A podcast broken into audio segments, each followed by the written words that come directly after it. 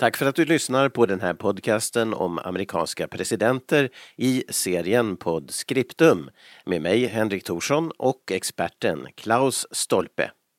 Om du vill läsa Klaus Stolpes böcker om Amerika och presidenter kan du hitta dem på boklund.fi. Fler podcasts hittar du också på sidan totalmedia.com. Total med TH. Ladies and gentlemen, our national anthem. Mr. President. I, John Fitzgerald Kennedy, do solemnly swear I, Barack Hussein Obama, do solemnly swear. So help me God. Free at last! Free at last! Thank God Almighty!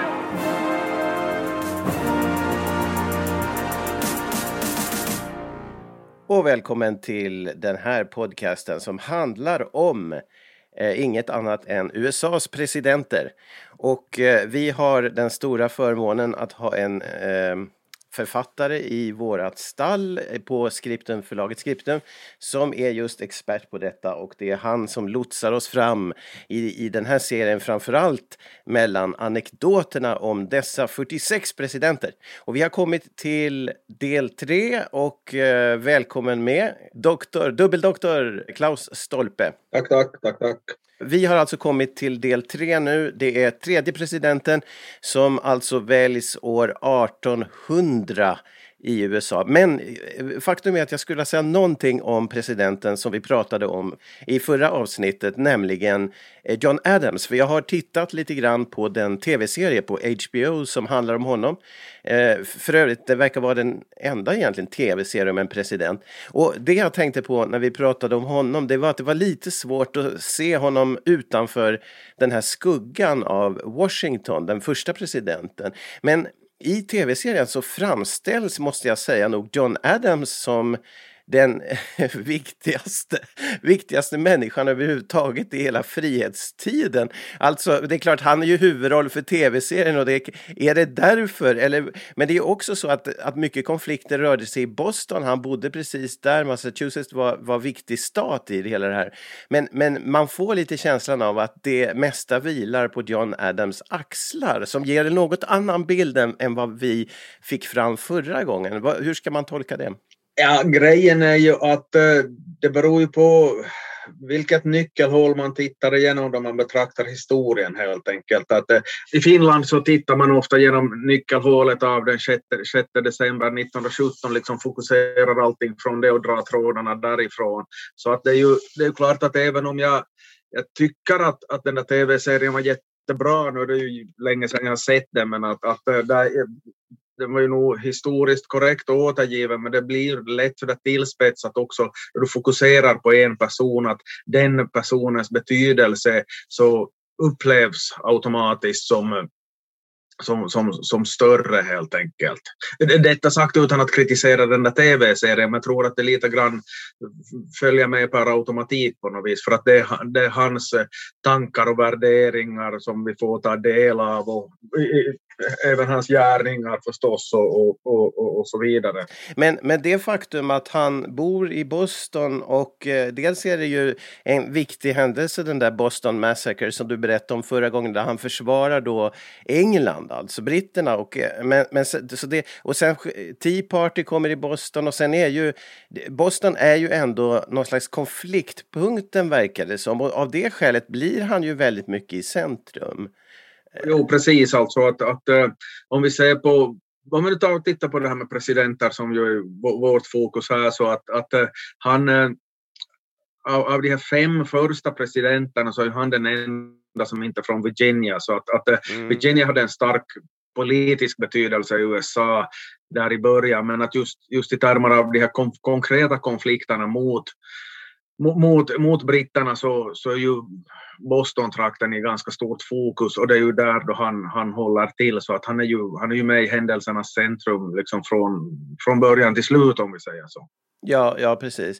Eh, och, och sen det, det som vi tar upp är ju att han, tog upp det är ju att han eh, är med och, och gör eh, Declaration of Independence, alltså på så vis, han övertalar ju, som vi ska prata mer om idag, men Jefferson att, att skriva den, men han och, och Benjamin Franklin och Jefferson är ju de tre som har sån här arbetsgrupp och, och, det är ju klart att det är ju en viktig, för Franklin han dör ju 1790 så det är ju inte chans för honom att bli president men däremot kommer då Jefferson på banan och det ska vi ju prata om idag då.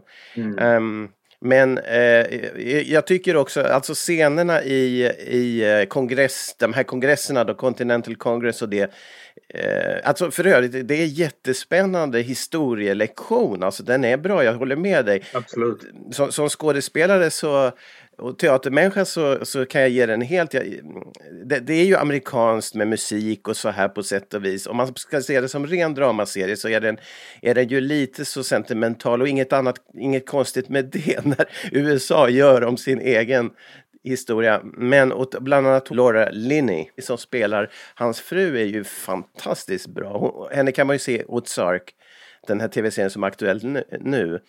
Um, så det är bra prestationer och, och ja, även, även uh, vad heter han, Gam, Gamanti är ju fantastiskt bra alltså. Uh, men, men, eh, men i de scenerna som är på Continental Congress och i, i de här mötena, där är han ju där får han ju en sån där huvudroll, absolut, i, i, för den goda saken mot de där surpupporna. Och det, det håller jag med att det, må, det är ju en, en, en, en slags, slags eh, eh, vad heter det, dramaturgiskt nödvändigt att ha honom som huvudroll. Det skulle bli konstigt om han satt inte hade den positionen kanske. Nej, det skulle bli väldigt konstigt om han liksom skulle sitta och sura och tänka att nej, men de, de andra får snacka idag. Liksom. Ja, men, men sen då, uh, uh, man kan undra varför är de andra så negativa? Och, men, men det vi diskuterar här hemma, det är ju att, att dels är ju flera av de där har väldigt tajt med Britterna, England, alltså vissa är kanske till och med uh, engelsmän från vissa stater, att de känner, sig väl, de känner att England är viktigt för dem som, som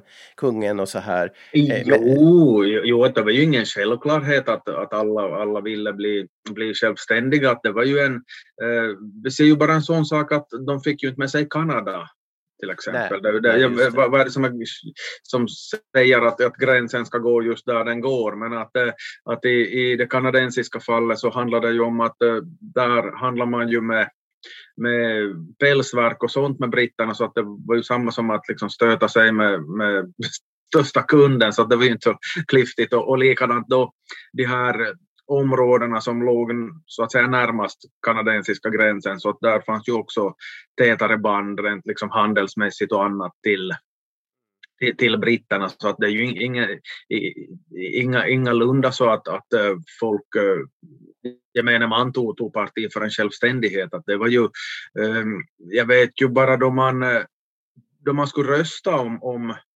om självständighetsförklaringen, eller rösta om självständighet. Vi var inne på det senaste gången och jag tänkte efteråt att vi kanske missade en liten kul anekdot därför att det, det stod ju och vägde då i olika sådana här delstatsförsamlingar att, att hur ska vi göra? Och eh, då var ju Pennsylvania en av de viktigaste delstaterna och då minns jag inte om de hade typ sju delegater eller elva delegater och sånt, men att det, det vägde jämnt för att en kille hade kommit för sent.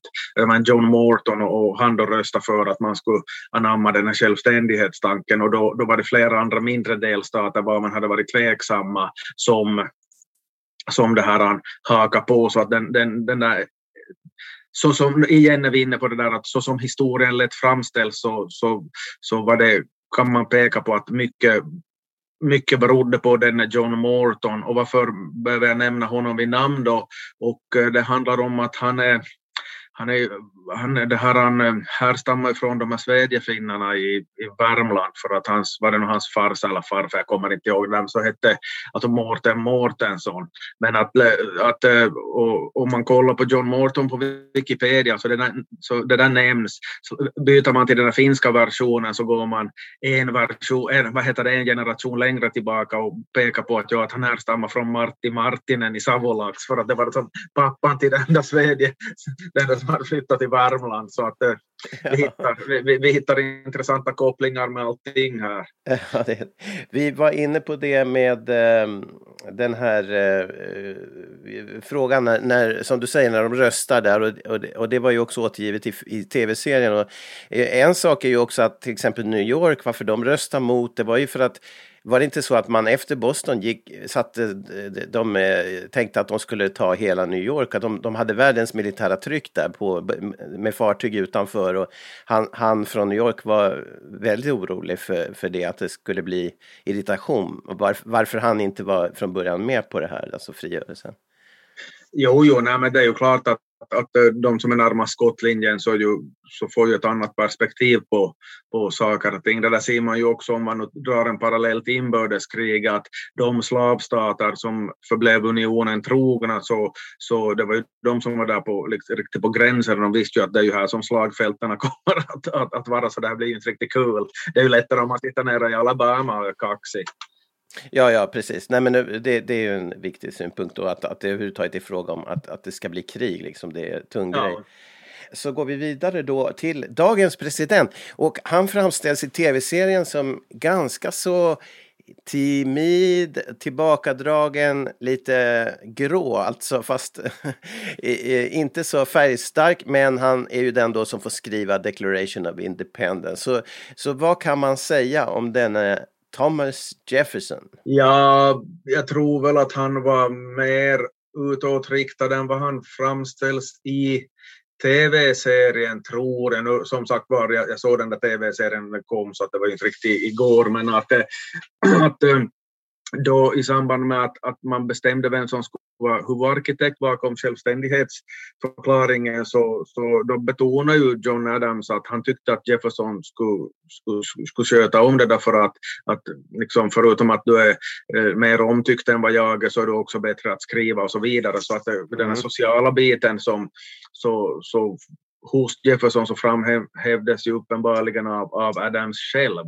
Mm. Så att, eh, och Jefferson ännu till så var ju en sån som mer sån här livsnjutare och, och så vidare, tyckte om dyra viner och, och hade, hade inte världens koll på vare sig sin privatekonomi eller på landets ekonomi. Att det var ju det, det som var hans, då kan man peka på svagheter hos en president som ändå räknas till de största så, så att det där med pengar så kunde han kanske ha låtit någon annan sköta både på, på det privata planet och, och med avseende på landets finanser. Men att, eh, Okej, okay.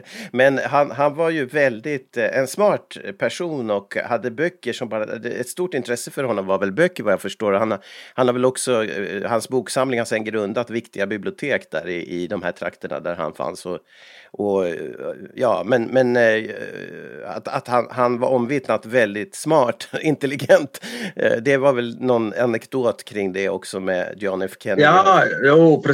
Det, det handlar om då, då John F Kennedy eh, ordnade en middag för ett, för ett antal nobelpristagare och i Vita huset så, så hälsade han den välkomna och, och, och sa att, att, eh, att det, det, kan aldrig ha funnits så här mycket intelligens i den här matsalen samlad på en enda gång.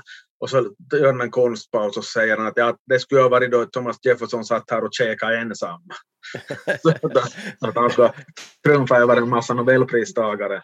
Men att, eh, att det, just det här med Jeffersons mångsidighet så man kan gärna googla hans gravsten för att den är, den är, den är sevärd därför att han har ju, han har ju CVn uppräknad på gravstenen men att där, där, där ryms inte med att han har varit president för att han tyckte väl inte att det var så viktigt. Jaså? Att, ja, alltså det, det, står inte där. Att det, det står då som att det är han som har grundat universitetet i Virginia och att det, det det här han, det är han som har stått för utkastet till, till självständighetsförklaringen och vad, han, vad, vad det nu finns, finns uppräknat där och att han var, jag vet inte om det stod att han var uppfinnare eller no, någonting annat. Det är, så länge, det, det är lite, lite lustigt att man glömmer bort en sån liten detalj som att man har varit USAs president och dessutom är en av de mer legendariska får man ju nog säga.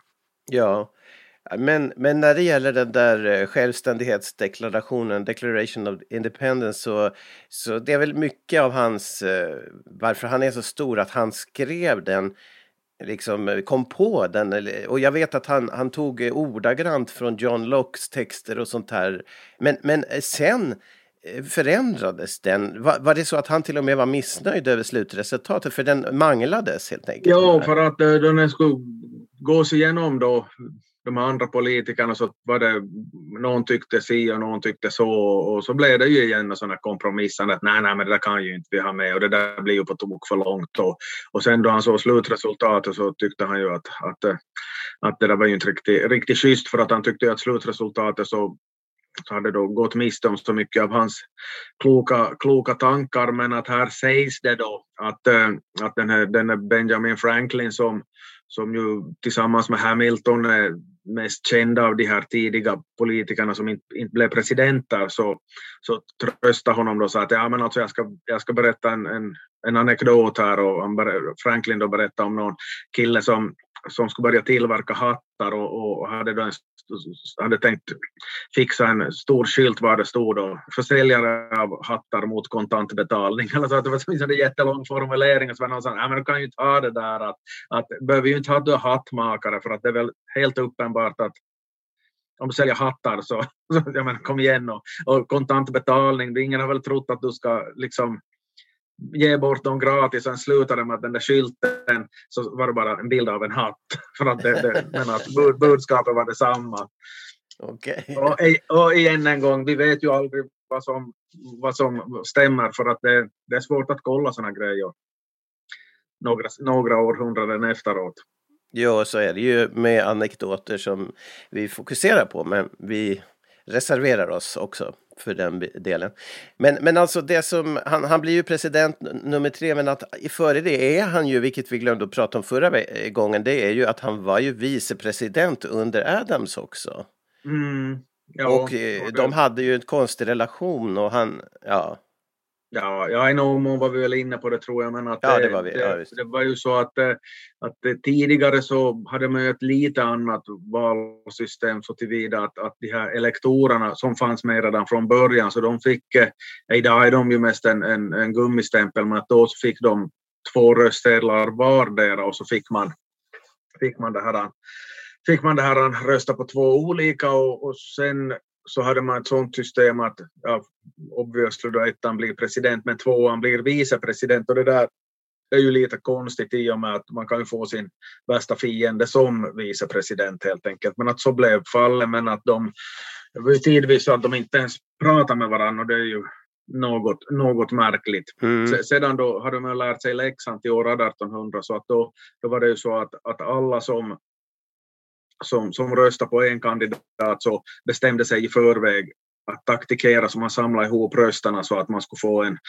no, närstående typ eller bundsförband, för, bundsförvant som, som vicepresident. Men då gick det ju på tok i alla fall för att eh, de här som röstade på Adams, så, så de kom ju överens om att alla, alla som vill ha Adams ger en röst åt honom och sen sen så kom man överens och, och sa att du ger din andra röst åt en annan så att den här tilltänkta vicepresidenten skulle få en röst mindre.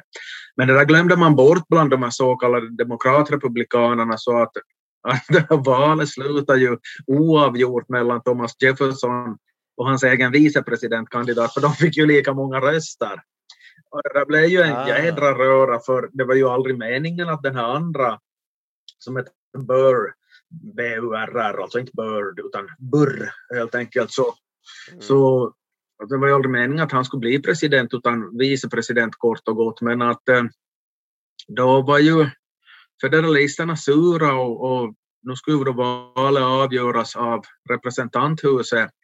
Och där är det så knepigt så att om, om, om avgörandet går dit så, så då har alla delstater en röst vardera. Vilket ju är lite konstigt kanske eftersom vissa delstater som vi vet är mycket större än andra, men att, eh, att då börjar man ju taktikera och, och försökte få den här Burr äh, vald till, vald till det här han, äh, vad heter det, president bara för att bråka med Jefferson.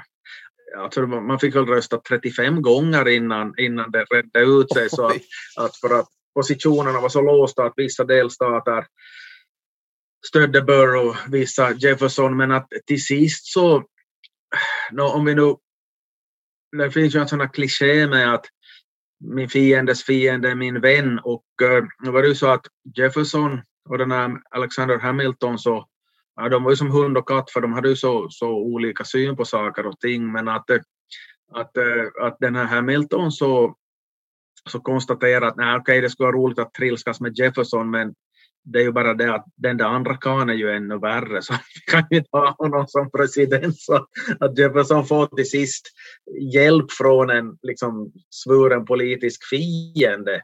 Att det här så resulterar ju sen på längre sikt att, att Burr och Hamilton har ju en, får ju en väldigt infekterad relation för att då, då chansen väl gavs så skulle Burr inte haft någonting emot att bli president men att det, det hela slutar ju med att, att, att en, en, en pistolduell mellan Hamilton och Burr så att, att eh, Burr helt enkelt tar livet av, av Hamilton. Så vi får en situation var vicepresidenten tar livet av den förra finansministern. Det är ju, det är lite, lite speciellt.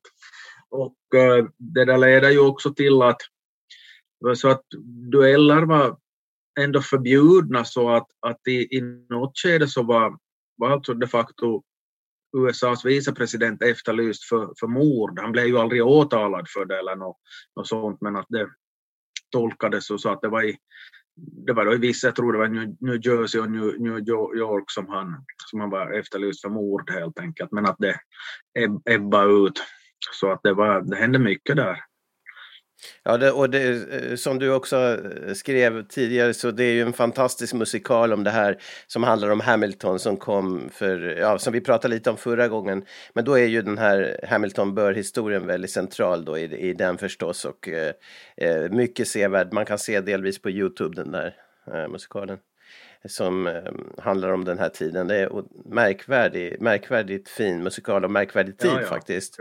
Okay. Um, men, men Burr kom inte längre än vicepresident då, ja. Och, men, men sen när, när uh, Jefferson kommer i sin roll då, först och främst svärs han in då inte i Philadelphia som de andra han ju, Washington svor ju presidenteden i New York första gången och Philadelphia andra gången alltså. och Adams svor presidenteden mm. i, i Philadelphia. Men att det var ju vid den här tiden då som man grundlade Washington DC så att eh, John Adams så han ju till och med bo typ ett halvår eller lite mera i Vita huset som då, då stod, stod klart innan Jefferson flyttade in men att, att, eh, att då var det så pass klart där så att eh, så att eh, Jefferson fick då bli den första som svor presidenteden i den nya huvudstaden helt enkelt. Och, men Vita huset var, alltså hela, hela Washington-projektet med Vita huset var någon slags presidentstad eller, eller vad ska jag säga, det, det, var byggt som en slags maktens stad egentligen eller? Jo, det är det ju för att det, till att börja med så hör det ju inte, det hör ju inte till någon delstat utan det är ju på gränsen där mellan, vad blir det nu då, är det eh, Virginia och Pennsylvania kanske, om någon tittar på en karta så får de skratta åt mig när jag säger fel, men att, att eh, det, var som en kompromiss helt enkelt, just som för att markera då att det skulle som stå över det här ja, delstatsmässiga käbblet eller något, något, något, sånt. Så att, eh, att det där är ju en kuriositet, no, hela, allt vi snackar om så, så är ju kuriositeter, men att eh, att Washington DC så, så de har ju inga senatorer eller, eller medlemmar i representanthuset därifrån. Eller de har väl någon, någon som, som har eh, alltså får vara med i representanthuset men saknar rösträtt helt enkelt. Så att av de här 435 i representanthuset idag så är ju ingen ingen från Washington DC och likadant med de här senatorerna så har de ju inte någon sån heller. Nu, länge var det ju också så att huvudstadens invånare fick inte vara med och välja president men att det får de idag så mm, att, att, att, det är då tre, tre elektorsröster kommer till, till den som vinner i Washington DC men att det har ju inte varit ja, nu minns jag inte på rak arm när det infördes, men det, det har inte varit jättelänge. Alltså. Jaha, okej. Okay. Så, så, ja, så det var en, en sån här konstruerad stad för makten på något vis? Ja, det var, ja ver, verkligen alltså. Och, och det var väl inte riktigt... Alltså, det var också ganska symptomatiskt just det där vilken kompromiss det handlade om för att det var ganska svårt att bygga där. Jag tror det var då det kom på tal första gången så, så var det, då levde så att, ja, då levde George Washington ännu och hans syn på det hela, att han, han, han kallade det för det där indianträsket ute i vildmarken. Ja, okay. Och det låter ju som om inte skulle vara riktigt enkelt att bygga. Nej. Nej, Jag menar, träsk och by, träsk och, och byggande så låter det inte som en helt sympatisk kombination. Visserligen är jag inte duktig på att bygga men att jag kan ju tänk, tänka, mig det, tänka mig scenariot i alla fall. Så. Mm. Men det är intressant att Trump eh, på något vis förde någon eh, kamp mot den här Washington-kulturen ju. Det, eh, som, som jag menar ändå är från början nästan och eh, där makten ska vara. Men han, han, han utmanar ju verkligen den där, de, de som hade gått den här vägen så att säga, makthavarna. Traditionella makthavarna kan man säga. Jo, och eh, det är ju inte helt unikt heller att någon, någon sån här som en, mer som en sån där outsider så kan ju gärna ta den, mm. den rollen. Att, att ett annat exempel, även om framtoningen var helt annat, så var ju Jimmy Carter, alltså han gjorde ju för att han kom ju då i kölvattnet efter Vietnam krig och Watergate. Och, och, och, så att han gjorde en politisk poäng av att han, han knappt hade satt sin fot i, i Washington någon gång. Visserligen meriterad politiker till skillnad från Trump, för att Carter hade ju ändå varit guvernör i, i, i Georgia, men att, att eh, han, han liksom eh, markerar ganska tydligt att jag har ju inte något med det där att göra. Nej, nej precis. Vad intressant. Och, men, men alltså då flyttar eh, centrum flyttar till Washington från eh, Pennsylvania kan man säga och eh, eh, ja, det är ju den här Pennsylvania Avenue. I love Pennsylvania Avenue, sa ju Trump i sitt tal innan stormningen där.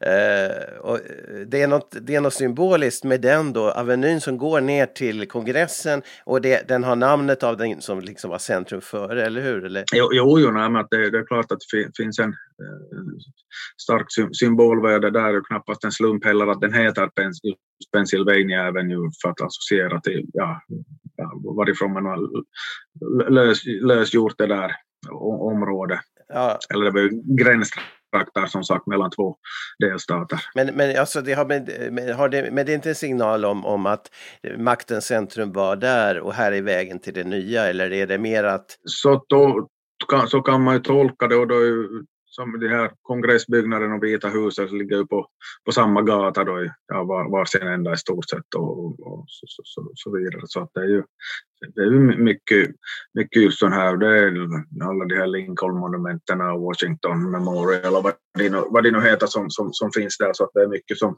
mycket som ryms in på denna här gatstumpen. Ja, ja och, och i varsin ända som du säger, kongressen och sen äh, äh, Vita huset i andra ändan, kongressen och senaten. Och, äh, men, men alltså, hur är det då där från början med samarbetet mellan Vita huset och kongressen? Vad, det, det är ju två olika saker lite grann, men, men vad, i vad mån hade Jefferson med kongressen att göra? Eh, något till att börja med så, så eftersom han då hörde till det här gänget som ganska starkt betonar betona decentralisering så, så tyckte han ju att, att presidenten ska ha en, en, en väldigt begränsad makt, att det, är, att det är kongressen som ska, som ska styra landet. Det var hans grundsyn. Men nu är det ju bara det att eh, det finns ju något som heter eh, jag tänkte säga tillfället gör tjuven eller ändamålet eller vilka klichéer jag nu vill, vill komma med, men att, att då han väl fick chansen så gjorde ju den här kan USA dubbelt större utan att ett pistolskott avlossades helt enkelt. För att, eh, och jag menar där kan man väl nog säga att man milt sagt överskred sina befogenheter.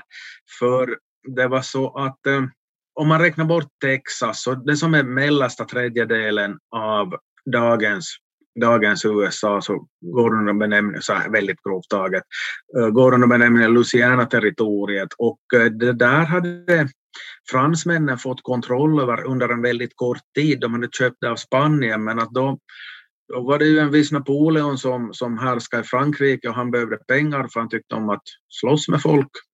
Andra folk, eh, ryssar och engelsmän och sådana, preussare till och med. Och, eh, och då då var det tal om att, att eh, sälja, sälja det här landområdet till amerikanerna. Det var ju bara det var ett litet missförstånd för amerikanerna hade trott att, att Napoleon ville sälja alltså området kring New Orleans, alltså längst nere vid ja. alltså dagens Louisiana. Mm. Så, att, äh, så att de här, de här två som skulle, det här är helt sjukt, att de här två som skulle underhandla med Napoleon då så, så var ju alltså i tron att, att, att det var att det var New Orleans med omnejd och, och de hade väl då fått befogenheter nu tar jag ju minne, jag borde förstås kolla upp sånt här, så man behöver inte göra bort sig med. Men var det nu så att man, man har fått befogenheter för säg nu 10 miljoner dollar att betala. Det säger ju ingenting för vad det skulle motsvara i dagens penning, penningvärde. Men Napoleon då så ville ha 15 miljoner. Mm. Men han talar ju om ett helt han talar ju om någonting helt annat. Yeah. så de försökte, jag vet inte om de försökte pruta först tills de, tills de insåg vad det är som kan hålla på att sälja. Alltså, det är ju som hela vilda västern. Ah. Eh, så att, men sen då så vad jag menar med den tidens kommunikation, alltså det gick ju inte att ta båten tillbaka och fråga av Jefferson att ja, vi fick en bra deal här, att är det okej? Okay? Så de skrev ju, skrev ju på och tänkte att det får någon annan reda upp efteråt. Men att Jefferson godtog det där då.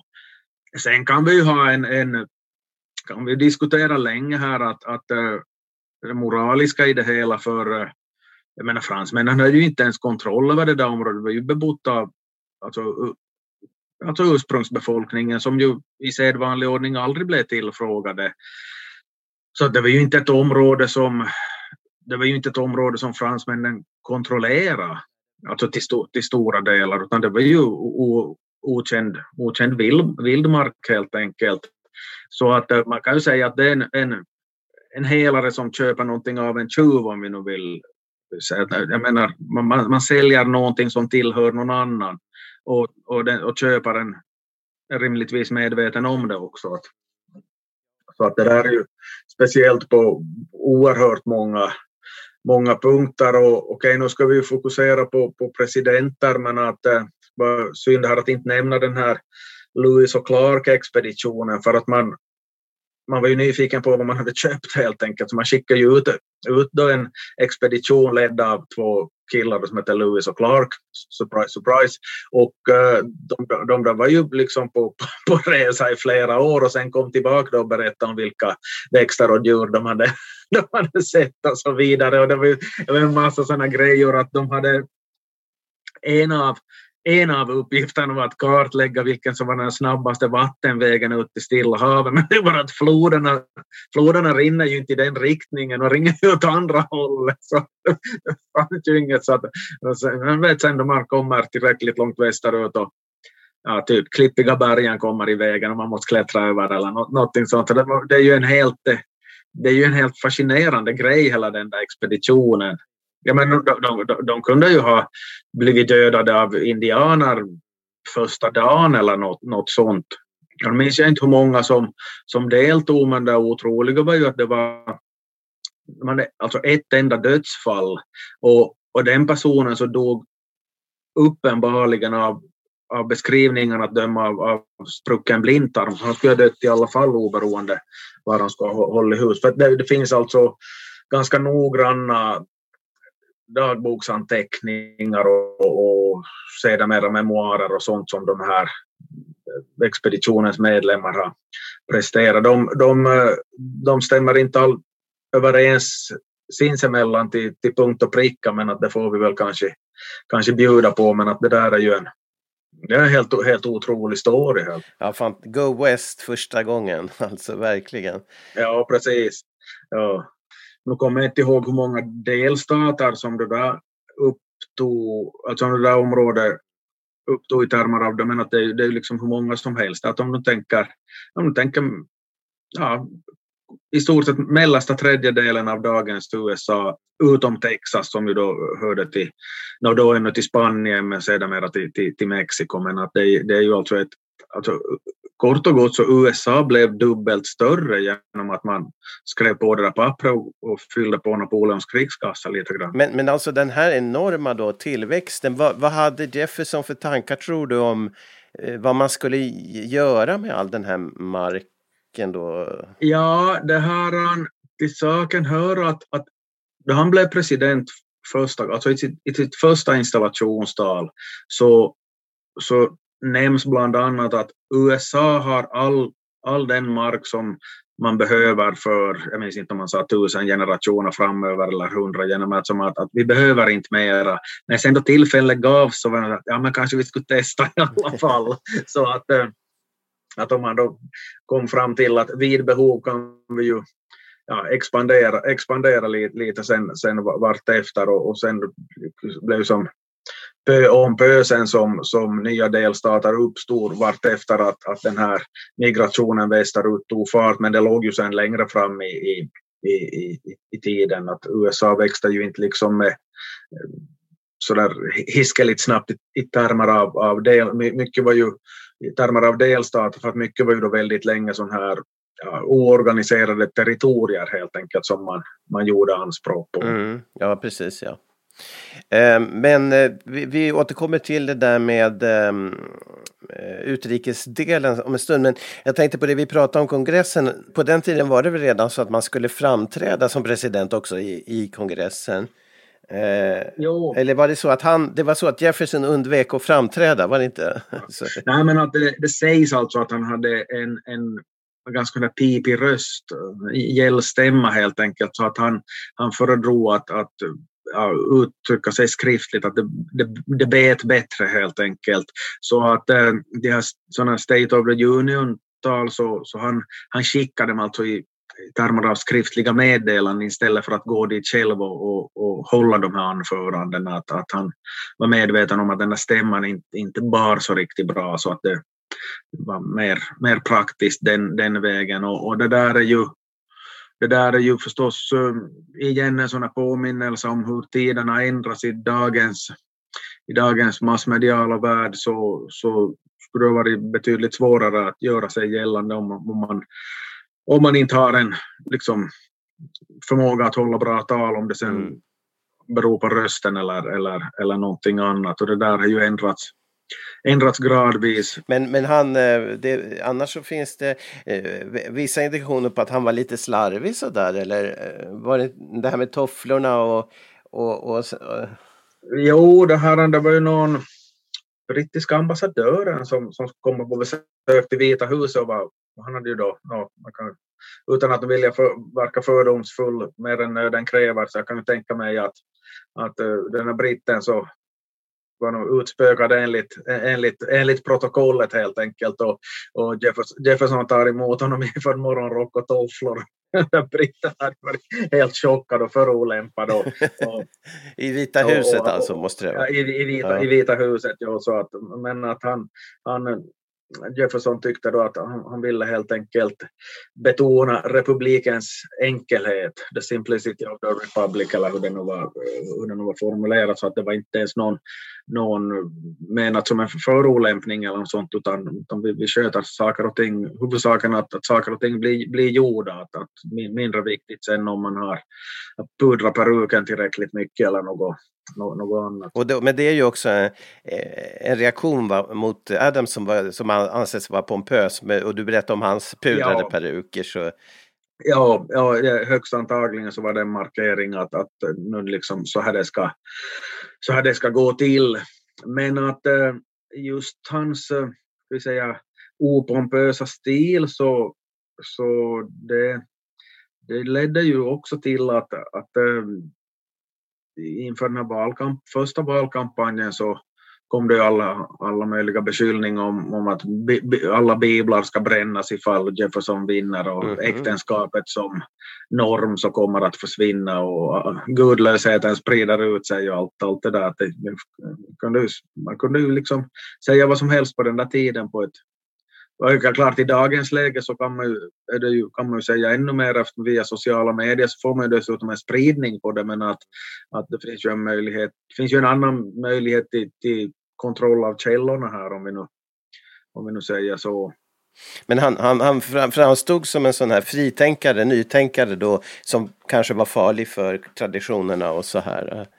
Jo, för att det är ju klart att jag menar, det amerikanska samhället på många sätt konserv eller värdekonservativt än idag. Mm. Och, och jag menar man har diskussioner om abort på ett sätt som inte liksom vi känner till på våra bredvid, sagt utan att ta, ta ställning för eller emot uh, någonting, men att uh, det finns vissa saker som, som man inte diskuterar på samma sätt här längre som en aktuell politisk fråga, mm. fråga där. Men att samtidigt med det, samtidigt som vi har, har den här situationen med att, att han ville framstå som icke pompös och allt det, så var det ju nog frågan om en livsnjutare eh, liksom att det var dyra viner som gällde och, och, och, och, och allt sånt i en utsträckning som han uppenbarligen inte hade råd med för att hans privatekonomi så visade sig att det var, det var ju inte bra helt enkelt. Nej. Alltså tillvida något av en, något av en slarvare om vi säger så. Ja. Okay. Var det inte någonting när han blev eh, eh, vicepresident, alltså för, första gången eh, när han förlorade mot Adams, Eh, när han tog in på hotell och vad det var? Eh... Jag tror att det var efter, att eh, medan, ja, det var medan han var, medan han var vicepresident så, så var han i, i Baltimore och skulle ta in på något, alltså på finaste hotellet i stan då, jag vet ju inte vilken standard de hade i slutet på 1700-talet, men att, att den här den här innehavaren så tyckte att han såg lite sådär halvskum ut eller såg lite tjaskig ut. Han sa att, att, att det var fullt han ljög helt enkelt. Och så, när han ändå får det var så stack Jefferson iväg och så var det någon som sa att men alltså, fattade inte vem det där var. Så, va, så då, att, att det var någon sån här smutsig bonde ungefär. Så att, att, att det var ju faktiskt vicepresident åt.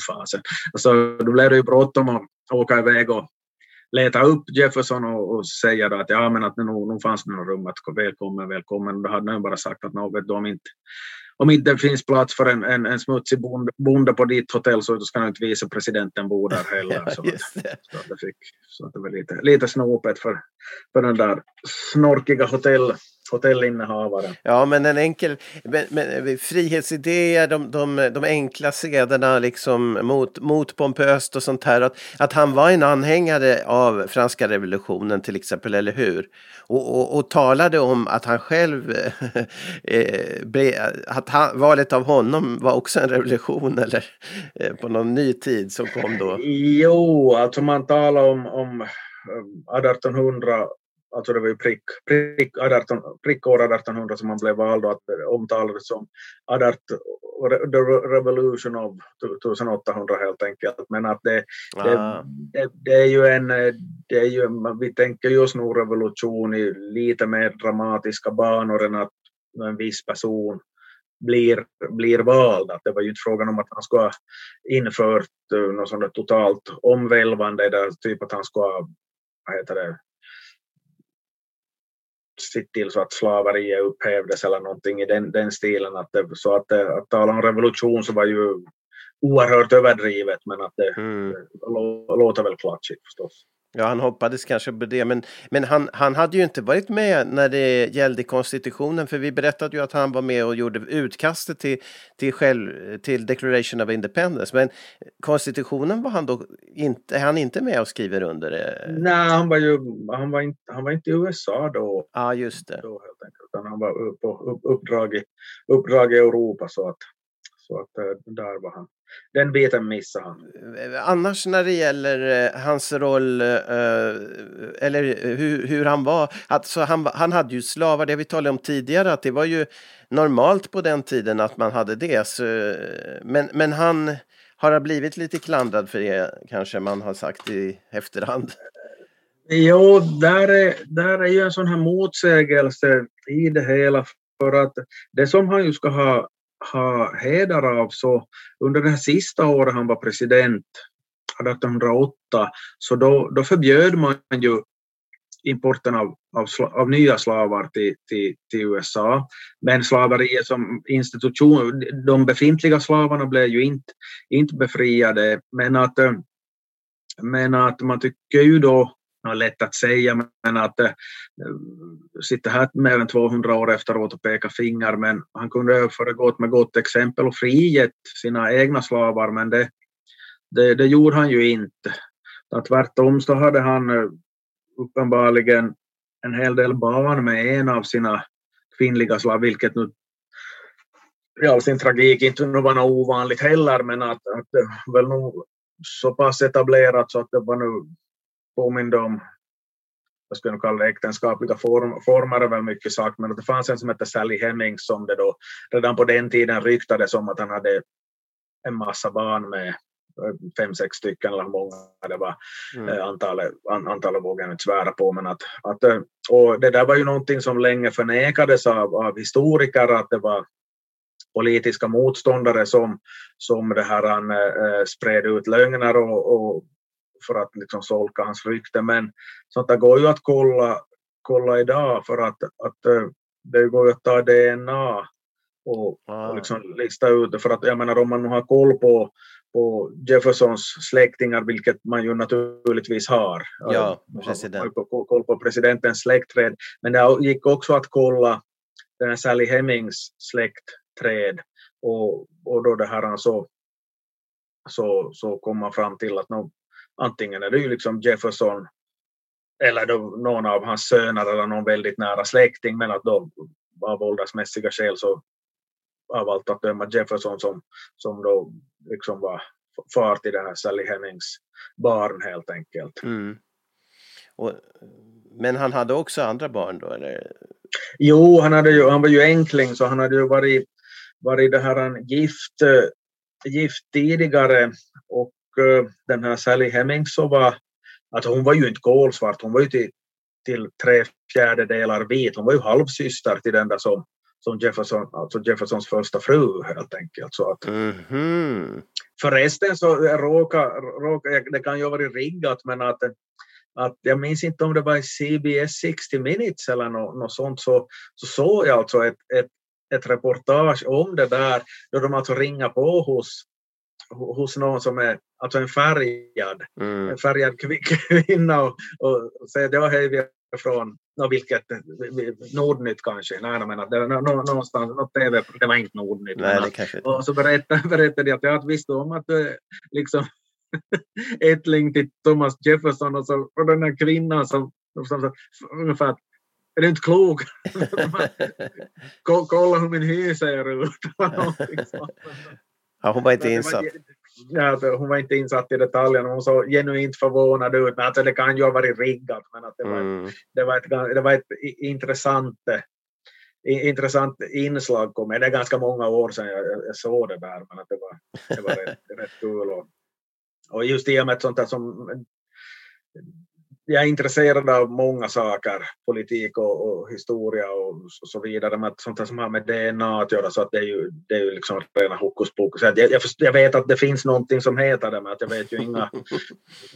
Allt, som är, allt som är mer avancerat än ett fingeravtryck så, så liksom det går över min horisont, men Mm. tydligen är det på, pålitligt i alla fall. Ja, precis. Och det är ju relativt populärt här i Österbotten i Finland där vi sitter. Där det var en väldigt stor utvandring till eh, USA också. Så man, man gör ju i släktforskningen mycket sånt där då. För Ja, att ta reda på släktingar i Amerika och sånt här. Men eh, när det gäller eh, Jefferson då, f- det här med utrikespolitiken, han hade ju varit ambassadör i Frankrike också, men, men eh, var det en, en viktig poäng då med utrikespolitiken? Vi har ju sett hur han, han köpte av Napoleon det här området och behövdes, eh, be, var, var det liksom ett utrikespolitik en del av arbetet där? Ja, det blev ju det i praktiken för att, eh, att eh, under stora delar av USAs historia så, så har man ju inte haft någon utrikespolitik att tala om såvida man inte räknar med att man chasar bort indianer eller något sånt. Men, men att, eh, att det har ju inte alltid varit den här militära stormakten. Eh, men, och, men då de här första åren så var ju ändå utrikespolitiken så att säga inte betydelselös därför att man kunde ju inte vara säker på att den här unga republiken skulle överleva. Att vad gör man ifall någon europeisk stormakt får för sig att vi ska ta det där området? Så det gällde ju att, att eh, hålla sig på god fot med helst både, både Frankrike och Storbritannien men att det var ju inte man kunde, kunde inte liksom vara helt säker på att man fick, fick vara i fred där. Vi tänker ju, vi tänker ju oss USA som ja, sådana som klarar det här med krigföring, liksom att de har starka, starka resurser till det, men att, eh, så, så såg det ju inte riktigt ut på den tiden. Så att, att så tillvida var ju utrikespolitiken viktig för att få vara i fred. Ja, precis. Eh, men, men, men hans eh, insats, eller på något sätt så utvecklades presidentrollen också då under hans, under det här, ja, det var så här, krigsfrågan eller försvars... Frågan kanske.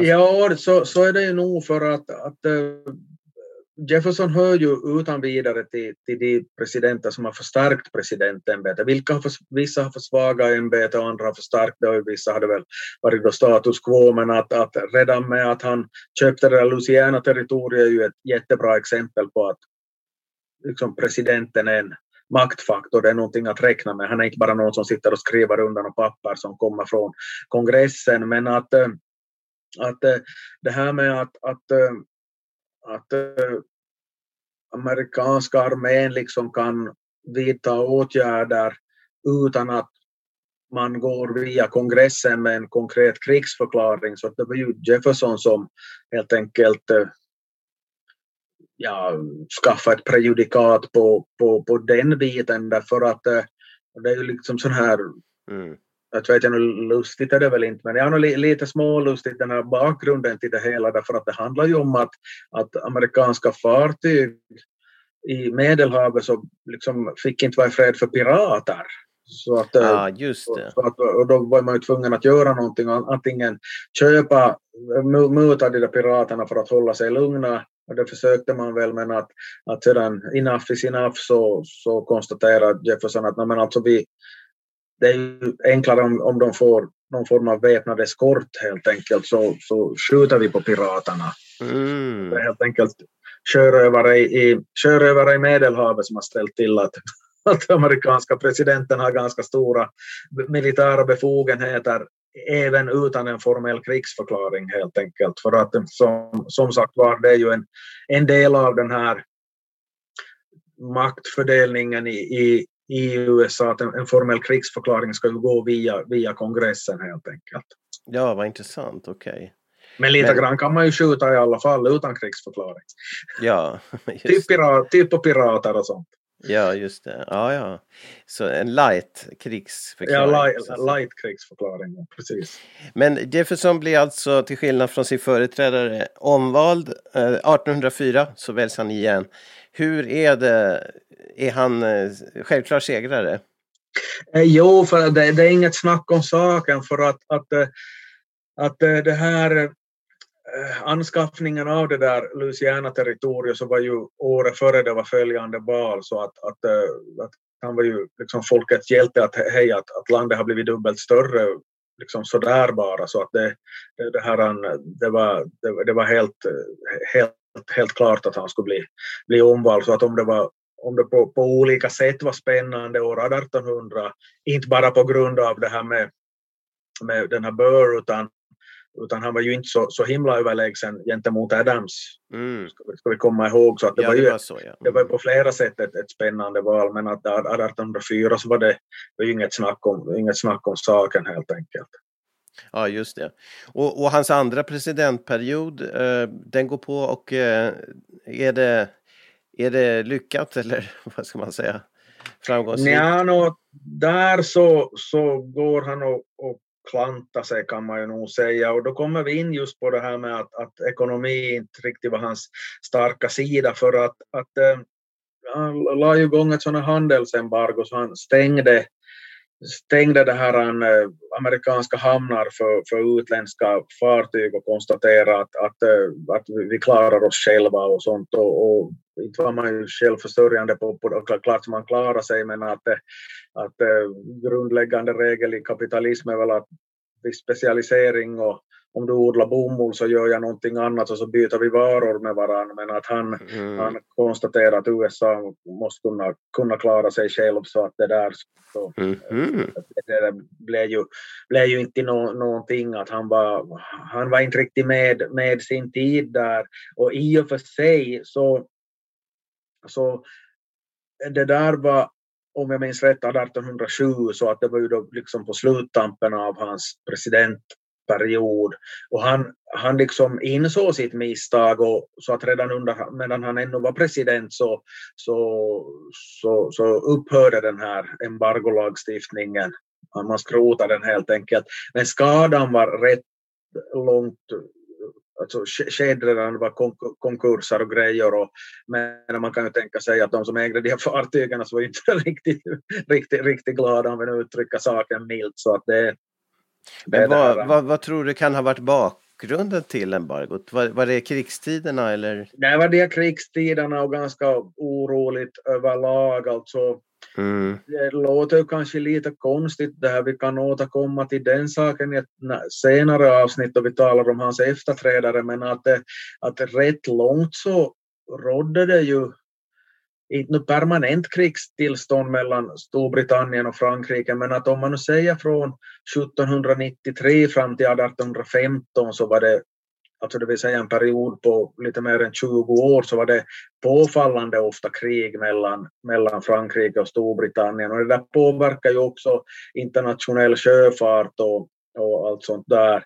Eh, för att nu repetera lite europeiska historien så först har vi ju vad det kallas, de franska revolutionskrigen eller något, ja det är väl det som är den benämningen på svenska, eh, som är då från 1793 och fram till alldeles i början av 1800-talet då Napoleon tar över, men han är ju han är ju inte så fredlig han heller inte så att det var det var massa gurgel hela tiden och, och oroligt och, och under en krigssituation då mellan två stormakter så hamnar ju lätt de mindre i kläm och, och och, och allt, allt sånt där. Och, och eh, det, det hände allt möjligt, liksom att brittiska flottan så kunde tvångsvärva amerikanska sjömän och, och, det var, och kanske beslagta lasten och så vidare. Du vet ifall man, ifall man åker till fel land så är det inte så populärt. Vi säger att man ska med en skeppslast till eller från Frankrike och råkar ut för brittiska flottan så det är inte sagt att det, Mm. det är så trevligt. så att, Ja, just det. Det fanns en det- del hot ja. och problem helt enkelt. Jo, jo, jo det, var, det, var, det var helt enkelt turbulent även om nu USA liksom fick vara i, i fred liksom där på, på sitt fastland men att, att situationen i Europa så, så rörde till det helt enkelt. Mm. Ja, spännande. Och eh, vi eh, har alltså talat om Thomas Jefferson, den tredje presidenten. Va, vad kan man säga? Det är det, va, vilken bild kommer fram av den här presidenten? Eh, är den positiv eller negativ? Han, han finns med på, på den där Mount Rushmore i alla fall. Så långt har han passerat. Men, men, Ja, alltså nu, nu räknas han ju överlag till, till, till de här liksom största och mest legendariska presidenterna. Det kommer vi inte ifrån. Att, att man, man betonar just där som det här köpet av Louisiana-territoriet och, eh, Eh, och förstås i historieböckerna så, så det här med att han förbjöd importen av slavar så, så är ju också förstås ett stort plus i kanten. Låt, och man glömmer lätt bort då att, den här, att han behöll sina egna slavar och att den där embargolagstiftningen så var dålig för ekonomin och sånt men att det, det är nog helt klart de här positiva sidorna som, som överväger då, då Jefferson beskrivs i historien. Ja, precis. Och är han, är han, jag menar, här lever myten kvar. Han var ju den som lämnade underlaget till sj- självständighetsdeklarationen och, och här är Founding Fathers fortfarande president. Vad kommer efter? Är det, fortsätter de Founding Fathers att leva kvar här? I? Ja, vi får ju, vi får ju två, två Virginia-bor ytterligare sedan Mm. James Madison och, och, och James Monroe. Så att, uh, och de sitter också åtta år vardera så att, att då, vi, då är vi framme på början av 1820-talet redan. De är ju då inte alls lika legendariska eller mytomspunna eller, eller nå- något, nå- något sånt. De var väl kanske li- lite mer av förvaltande presidenter även om det nu hände en, en del under en del dramatik under framförallt Madison men att det får vi ju, får vi ju återkomma till. Men att, eh, Mm. att det ska kom- bli spännande. sagt, två Virginia-bor till.